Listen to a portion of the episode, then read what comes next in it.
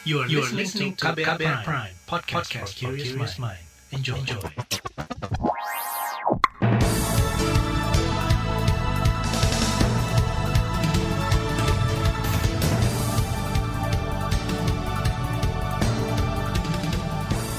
Selamat pagi saudara, senang sekali kami bisa menjumpai Anda kembali melalui program Buletin Pagi edisi Rabu 21 Juli 2021 bersama saya Don Brady. Sejumlah informasi pilihan telah kami siapkan di antaranya PPKM darurat diperpanjang sampai hari Minggu mendatang. Pemerintah daerah diminta mempercepat program vaksinasi COVID-19. Jelang Hari Anak Nasional, anak didorong untuk bersikap jujur. Inilah Buletin Pagi selengkapnya. Terbaru di Buletin Pagi. Saudara pemberlakuan pembatasan kegiatan masyarakat atau PPKM darurat diperpanjang sampai Minggu 25 Juli mendatang. Lewat YouTube, semalam Presiden Joko Widodo menyebut relaksasi akan diberlakukan jika tren kasus COVID-19 menurun. Kita selalu memantau, memahami dinamika di lapangan, dan juga mendengar suara-suara masyarakat yang terdampak dari PPKM. Karena itu, jika tren kasus terus mengalami penurunan, maka tanggal 26 Juli 2021 pemerintah akan melakukan pembukaan secara bertahap. Jika terjadi penurunan kasus, pembukaan kegiatan akan dilakukan bertahap pada sektor pasar tradisional, pedagang kaki lima, juga warung makanan dan lainnya. Jokowi menjelaskan setelah pelaksanaan PPKM darurat terlihat adanya penurunan tingkat penambahan kasus dan kepenuhan tempat tidur di rumah sakit. Jokowi menekankan masyarakat yang terdampak akan tetap mendapatkan bantuan berupa bantuan tunai, sembako, kuota internet, dan subsidi listrik. Alokasi tambahan anggaran perlindungan sosial sebesar 55,21 triliun rupiah. Pemerintah daerah diminta mempercepat program vaksinasi COVID-19 di daerahnya masing-masing. Ini disampaikan Presiden Jokowi Senin malam lalu dalam pengarahan kepada kepala daerah se-Indonesia secara virtual. Kata Jokowi, vaksinasi adalah tanggung jawab yang harus dijalankan setiap kepala daerah. Kuncinya sebetulnya hanya ada dua sekarang ini. Hanya ada dua. Mempercepat vaksinasi, sekali lagi mempercepat vaksinasi. Yang kedua, kedisiplinan protokol kesehatan, utamanya masker. Oleh sebab itu, saya minta kepada gubernur, bupati, dan wali kota yang didukung oleh jajaran Forkominda, betul-betul semuanya fokus dan bertanggung jawab terhadap semua ini. Presiden Jokowi meminta pemerintah daerah segera menghabiskan stok vaksin corona di daerahnya masing-masing. Sebelumnya, Jokowi menargetkan pelaksanaan vaksin mencapai 5 juta dosis per hari di Agustus mendatang. Saudara ahli epidemiologi Universitas Griffith Australia, Diki Budiman menyebut wajar adanya penurunan jumlah orang yang divaksin di Indonesia. Lonjakan pasien COVID-19 beberapa pekan terakhir berimbas pada kolapsnya fasilitas kesehatan dan terbatasnya tenaga kesehatan untuk melakukan vaksinasi. Tentu dalam situasi krisis seperti ini di mana tenaga kesehatan kita banyak yang sakit, banyak yang juga kelelahan, termasuk fokus di melayani pasien tentu akan sangat wajar kalau vaksinasi ini akan menurun ya. Jadi artinya peningkatan vaksinasi dalam situasi saat ini memang tidak terlalu bisa kita harapkan ya. Jadi setidaknya menjaga konsistensi capaian di satu juta saja sudah prestasi, sudah bagus banget. Epidemiolog dari Universitas Griffith Australia, Diki Budiman meminta ada penyegaran tenaga vaksinator, misalnya dengan merekrut lulusan kedokteran dan keperawatan atau bekerja sama dengan sekolah kebidanan. Pemerintah juga didorong untuk memastikan akses vaksin kepada masyarakat, termasuk di luar Jawa Bali. Selain itu, pemerintah juga harus terus melakukan sosialisasi dan literasi kepada masyarakat agar dapat mengurangi resistensi masyarakat terhadap program vaksinasi COVID-19. Kementerian Kesehatan mengklaim sekitar 56 juta dosis vaksin COVID-19 telah disuntikan. Total ada 75 juta dosis stok vaksin yang dimiliki Indonesia. Menteri Kesehatan Budi Gunadi Sadikin mengatakan 40 juta orang telah mendapatkan dosis pertama, sisanya sudah dosis lengkap. Saat ini masih ada 19 juta dosis sisa stok vaksin yang tersebar di daerah. Akhir Agustus nanti Indonesia akan kembali mendapat tambahan 30 juta dosis vaksin COVID-19.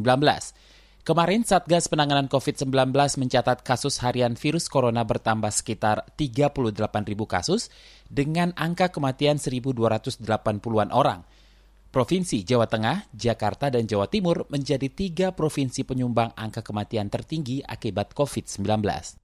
Sementara itu, Saudara Pemerintah Kabupaten Bandung, Jawa Barat menyebut stok vaksin COVID-19 di daerahnya menipis. Bupati Bandung, Dadang Supriyatna mengatakan stok vaksin tersisa 20 ribu dosis.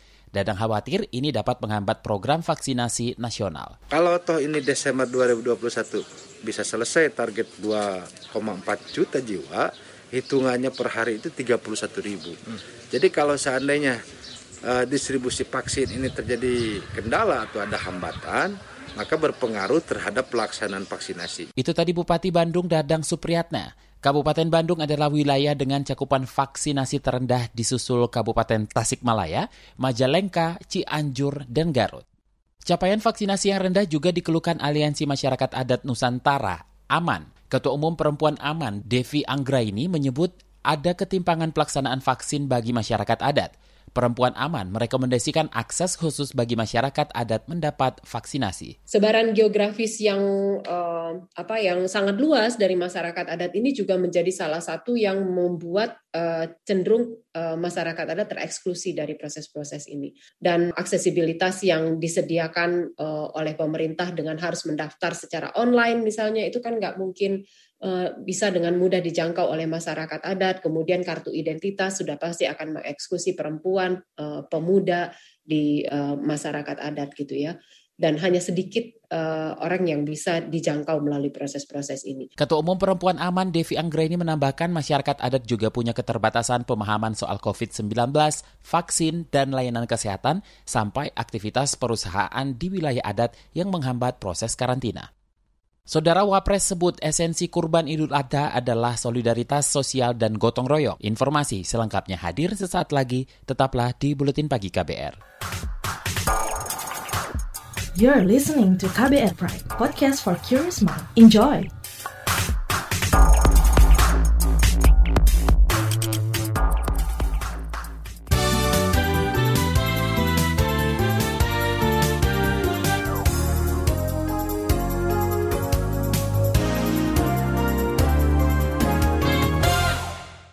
Saudara Wakil Presiden Ma'ruf Amin mengatakan esensi berkurban di Hari Raya Idul Adha adalah solidaritas sosial, bergotong royong, dan membantu sesama yang membutuhkan. Saat perayaan Idul Adha kemarin, Ma'ruf mengajak umat Islam untuk berbagi kepada sesama. Oleh karena itu, marilah momentum Idul Adha ini kita jadikan untuk membagi, berbagi, dan kita merupakan langkah solidaritas untuk bisa uh, hidup bersama, saling tolong menolong, saling memberi di dalam suasana yang saling membutuhkan pada saat ini. Wapres Ma'ruf Amin menambahkan Idul Adha tak sekedar berkurban kambing atau sapi, tapi juga menyisikan apa pun yang sesuai kebutuhan masyarakat sesuai kemampuan masing-masing. Setoran dana haji di 2021 telah mencapai hampir 150 triliun rupiah.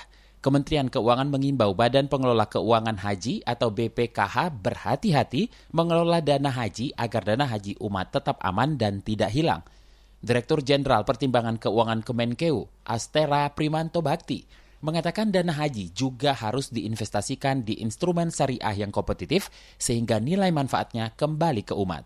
Nilai sebesar, sebesar itu bukan hanya menyimpan nilai ekonomis yang sangat tinggi, tapi juga menyimpan nilai politis yang tinggi. Akumulasi dana haji harus ditingkatkan nilai manfaatnya guna mendukung penyelenggaraan ibadah haji yang lebih berkualitas melalui pengelolaan keuangan haji yang efektif, efisien, transparan, akuntabel, dan sesuai dengan ketentuan peraturan perundang-undangan. Dirjen Pertimbangan Keuangan Kemenkeu Astera Primantio Bakti juga meminta Badan Pengelola Keuangan Haji menyampaikan detail pengeluaran dan manfaat bagi umat terkait investasi dana haji. Ini menjadi bagian dari edukasi calon jemaah haji kalau manfaat dana haji bisa lebih besar jika dikelola BPKH.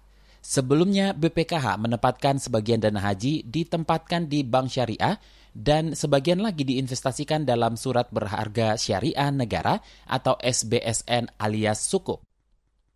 Saudara menyambut Hari Anak Nasional 23 Juli mendatang, Kementerian Pemberdayaan Perempuan dan Perlindungan Anak atau PPPA mendorong anak di Indonesia melatih kejujuran dan menerapkannya di kehidupan sehari-hari. Menteri PPPA Bintang Puspayoga, anak diharapkan juga jadi agen perubahan bagi bangsa Indonesia. Oleh karenanya, Bunda sangat berharap bahwa anak-anak yang Bunda banggakan dapat terus melatih kejujuran, integritas, dan nilai-nilai yang luhur dalam seluruh sektor kehidupan kalian, baik itu di dalam keluarga, di sekolah, di lingkungan pertemanan. Itu tadi Menteri PPPA Bintang Puspayoga. Seperti dikutip dari antaranews.com, pada tahun 2030 Indonesia akan mengalami bonus demografi, di mana mayoritas penduduk adalah dari kelompok usia produktif. Kita ke mancanegara, saudara. Mulai besok, pemerintah Singapura akan melarang warganya makan di restoran serta berkumpul lebih dari dua bulan. Larangan ini berlaku selama sebulan karena ada kenaikan jumlah kasus COVID-19. Senin lalu jumlah kasus COVID-19 naik dua kali lipat dibandingkan hari sebelumnya.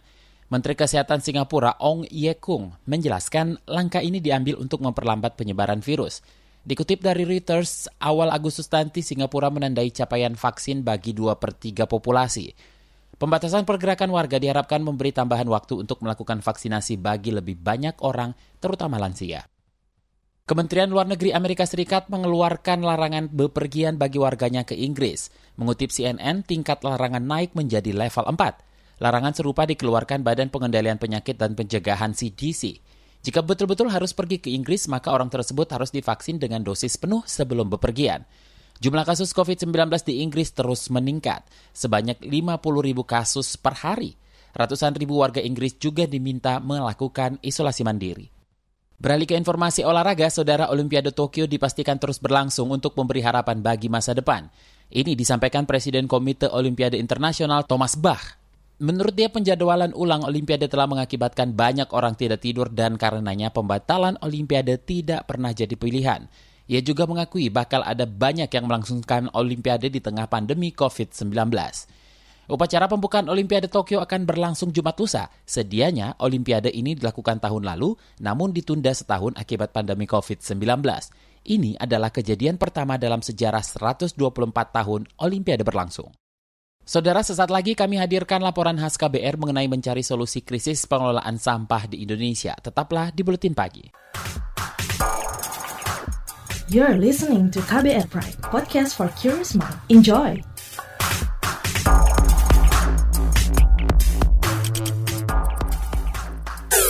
Commercial break.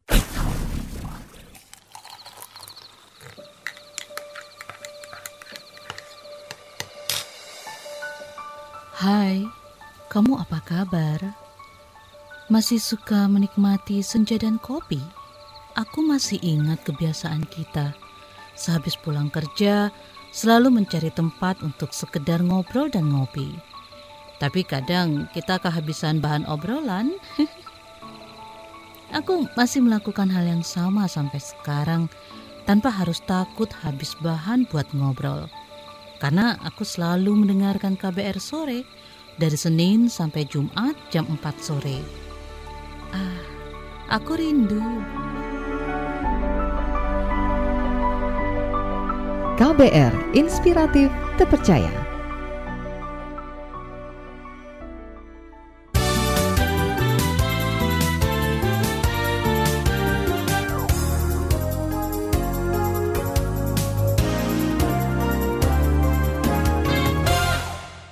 Anda masih bersama kami di Buletin Pagi KBR. Selama bertahun-tahun pengelolaan sampah di Indonesia selalu bermasalah. Jumlah sampah yang terbuang selalu meningkat seiring dengan pertambahan jumlah penduduk. Anggota parlemen di Senayan bahkan membentuk panitia kerja mengenai pencemaran sampah dan limbah untuk mendalami penyebab dan mencari solusi. Berikut laporan KBR disampaikan Agus Lukman. Kementerian Lingkungan Hidup mencatat sepanjang tahun lalu volume sampah di Indonesia mencapai 67 juta ton. Ada kenaikan sekitar 3 juta ton sampah dibanding tahun sebelumnya. Banyaknya sampah ini memunculkan masalah karena kerap banyak sampah menggunung tidak terangkut. Wakil Ketua Komisi 4 yang membidangi lingkungan di DPR, Budi Satrio Jiwandono menyebut, masalah sampah timbul karena perilaku masyarakat dan dampak industri. Masifnya kegiatan investasi dan industri memang menghasilkan banyak manfaat bagi negara, namun menurut Budi Satrio di sisi lain ada dampak sosial yang juga muncul, salah satunya masalah sampah dan limbah. Inti persoalan bisa jadi terletak pada ketidakpedulian masyarakat dan kalangan industri terhadap upaya pelestarian lingkungan, perilaku yang kurang sesuai dengan kaidah pelestarian lingkungan, serta kendala ekonomis, sosial budaya, teknologi, dan penegakan hukum. Dengan demikian, upaya untuk mengatasi sampah dan limbah memerlukan suatu pendekatan dan bahkan paradigma baru.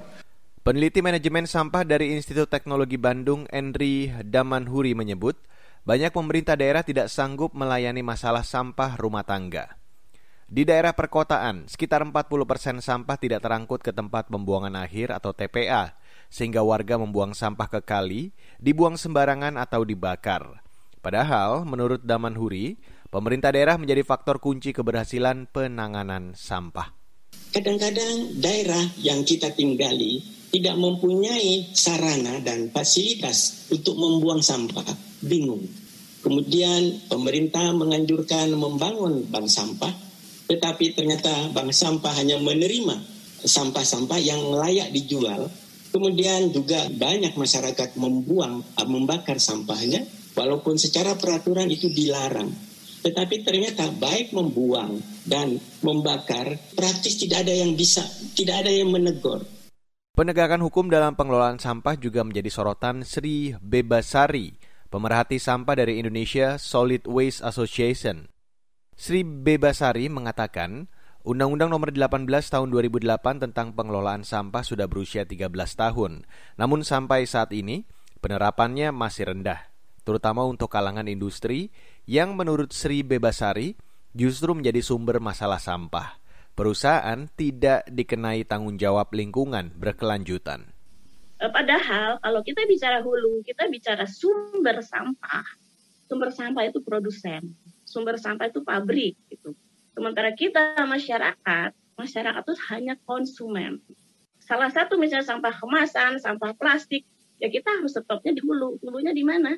Ya hulunya itu produsen di beberapa negara yang saya coba belajar justru harusnya itu masuk ke dalam izin produksi. Contoh misalnya gini, saya mau bikin pabrik kemasan, saya mau bikin pabrik botol. Harusnya saya tidak dapat izin kalau saya tidak punya program after consumer.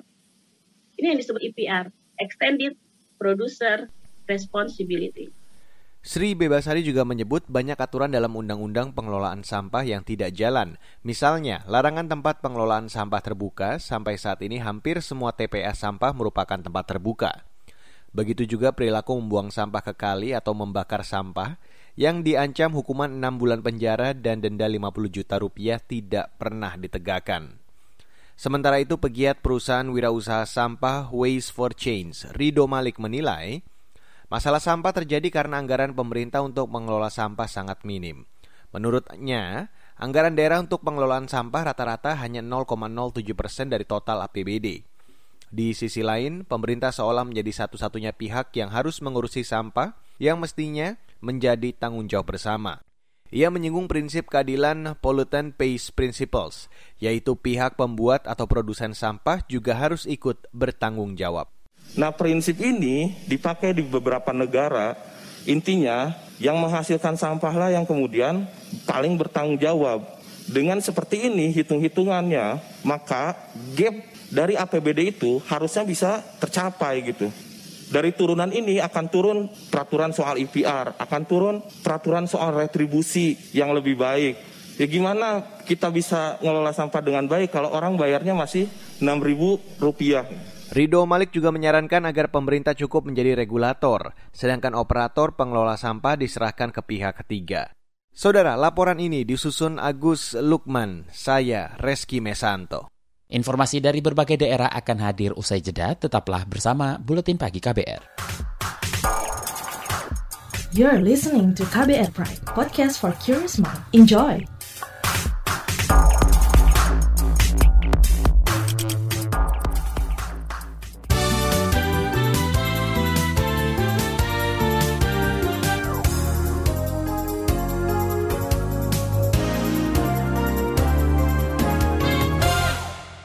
Inilah bagian akhir buletin pagi KBR. Saudara Satgas Penanganan COVID-19 Papua mengungkapkan COVID-19 varian Delta terdeteksi di Kabupaten Merauke, Papua.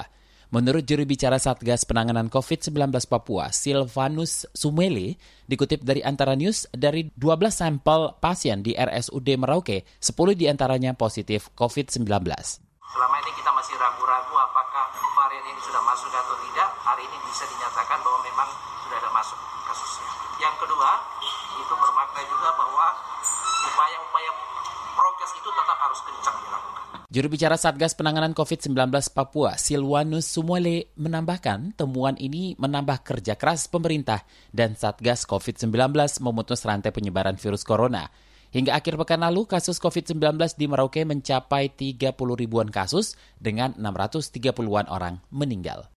Wakil Gubernur DKI Jakarta Ahmad Riza Patria mengimbau pengelola tempat kremasi jenazah tidak mencari keuntungan di tengah lonjakan kasus COVID-19.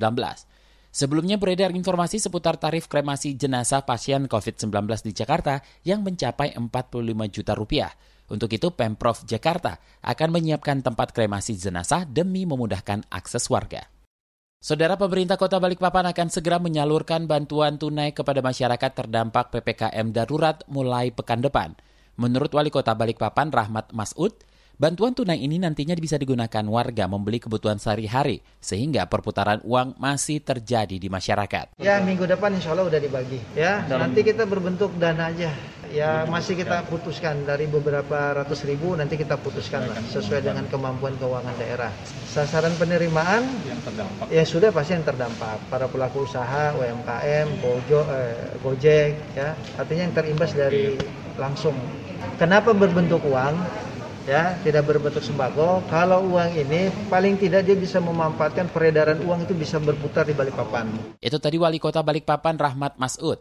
Sebelumnya pemerintah Provinsi Kalimantan Timur juga menjanjikan bantuan bagi warga terdampak PPKM yang akan dialokasikan dalam APBD perubahan provinsi itu.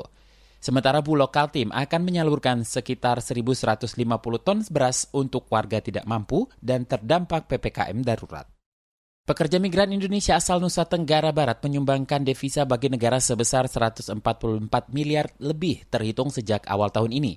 Kepala Dinas Tenaga Kerja dan Transmigrasi NTB Igede Putu Aryadi menyebut devisa terbesar disumbangkan pekerja migran Indonesia dari wilayah Lombok Barat dan Kota Mataram, disusul Sumbawa dan Bima. Mengutip antara news.com, sebagian besar pekerja migran asal NTB bekerja di Arab Saudi, Uni Emirat Arab, Jepang, Malaysia, dan Hong Kong. Informasi tadi menutup jumpa kita di Buletin Pagi hari ini. Pantau juga informasi terbaru melalui kabar baru situs kbr.id, Twitter kami di akun @beritaKBR. Dengarkan kembali Buletin Pagi dalam bentuk podcast di kbrprime.id, Spotify, dan lainnya. Akhirnya saya Don Brady bersama tim yang bertugas undur diri. Salam.